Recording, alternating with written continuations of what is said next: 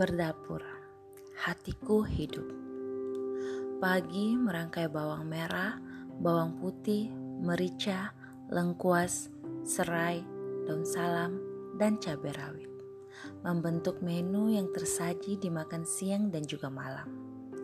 Mata melaku sesuai fungsinya. Melihat segala bumbu dan bahan yang tersedia di dapur. Tangan tak mau kalah langsung bergerak memetik daun lotes untuk segera direbus. Sementara merebus, adonan jamur dan kecambah pun diracik hingga layak digoreng mewujud perkedel jamur. Iya, daun lotes, kuah santan dan perkedel jamur mengambil bagian di depan piringku. Bumbu dapur menjadi guruku hari ini. Mengulangi kegiatan yang sama hampir di setiap harinya mengupas kulit bawang, mencuci, mengulek, dan menumisnya berulang di setiap paginya. Monoton bukan? Tiba-tiba aku teringat tangan-tangan perempuan hebat yang selalu bekerja di balik layar penghidupan. Mereka pasti memiliki cinta yang besar terhadap keluarganya. Batinku mengumban. Melakoni peran memasak bukanlah hal yang ciki-ciki bum-bum, seperti slogan Pak Oso di kelas elementary grammar tahun kemarin, yang bermakna mudah. Olah rasa berperan penting di sini. Aku pernah memasak. Kala itu aku sedang tidak enak hati, lagi gelisah dan sangat lelah. Akhirnya, hasil racikan bumbu yang sama dengan takaran biasanya hilang rasa. Dari situ aku belajar bahwa hati harus hadir di dalam setiap sajian hidang. Sedikit demi sedikit, hatiku mulai terasa hidup bernadikan dapur. Egoku ditantang untuk mengalah saat daun lotes begitu angkuhnya. Harus direbus selama dua jam sebelum akhirnya menggoyang lidah para pemakan.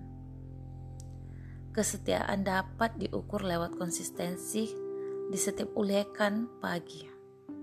Bersebab rasa bosan adalah hal yang sangat mungkin hadir di pagi-pagi yang sedang berpuisi. Olah hati jelas terlatih di dapur di setiap rumah. Sungguh masih sebagi ini, aku sudah dibuat mengagumi sosok-sosok perempuan. Hati pun kini hadir merasa. Aku menemukan hatiku ketika berdapur. Bukan berarti olah pikir boleh ongkang-ongkang kaki.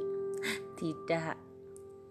Pikiran tetap bekerja, memilah segala bahan yang masih bisa diolah menjadi segala macam kudapan Sungguh kreatif bukan? Berdapur membuatku belajar keras. Mulai dari memikirkan harus mengolah apa dan bagaimana cara mengolahnya. Waduh, sudah seperti pertanyaan di bab pertama rumusan masalah ya. Berpikir dan memilih. Bahan adalah referensi untuk bab 1 sampai 3 melaku berdapur masuk dalam bab 4. Dan saat kita bersantap, itulah bab 5. Akhirnya, ujian tutup pun digelar di meja makan oleh lidah-lidah mereka. Ulekan seolah berkata kepadaku untuk belajar lebih banyak darinya. Panci-panci pun demikian. Ada banyak pengetahuan yang mereka jabarkan ketika kita mau mendekat dan membuka diri, datang merendah guna belajar.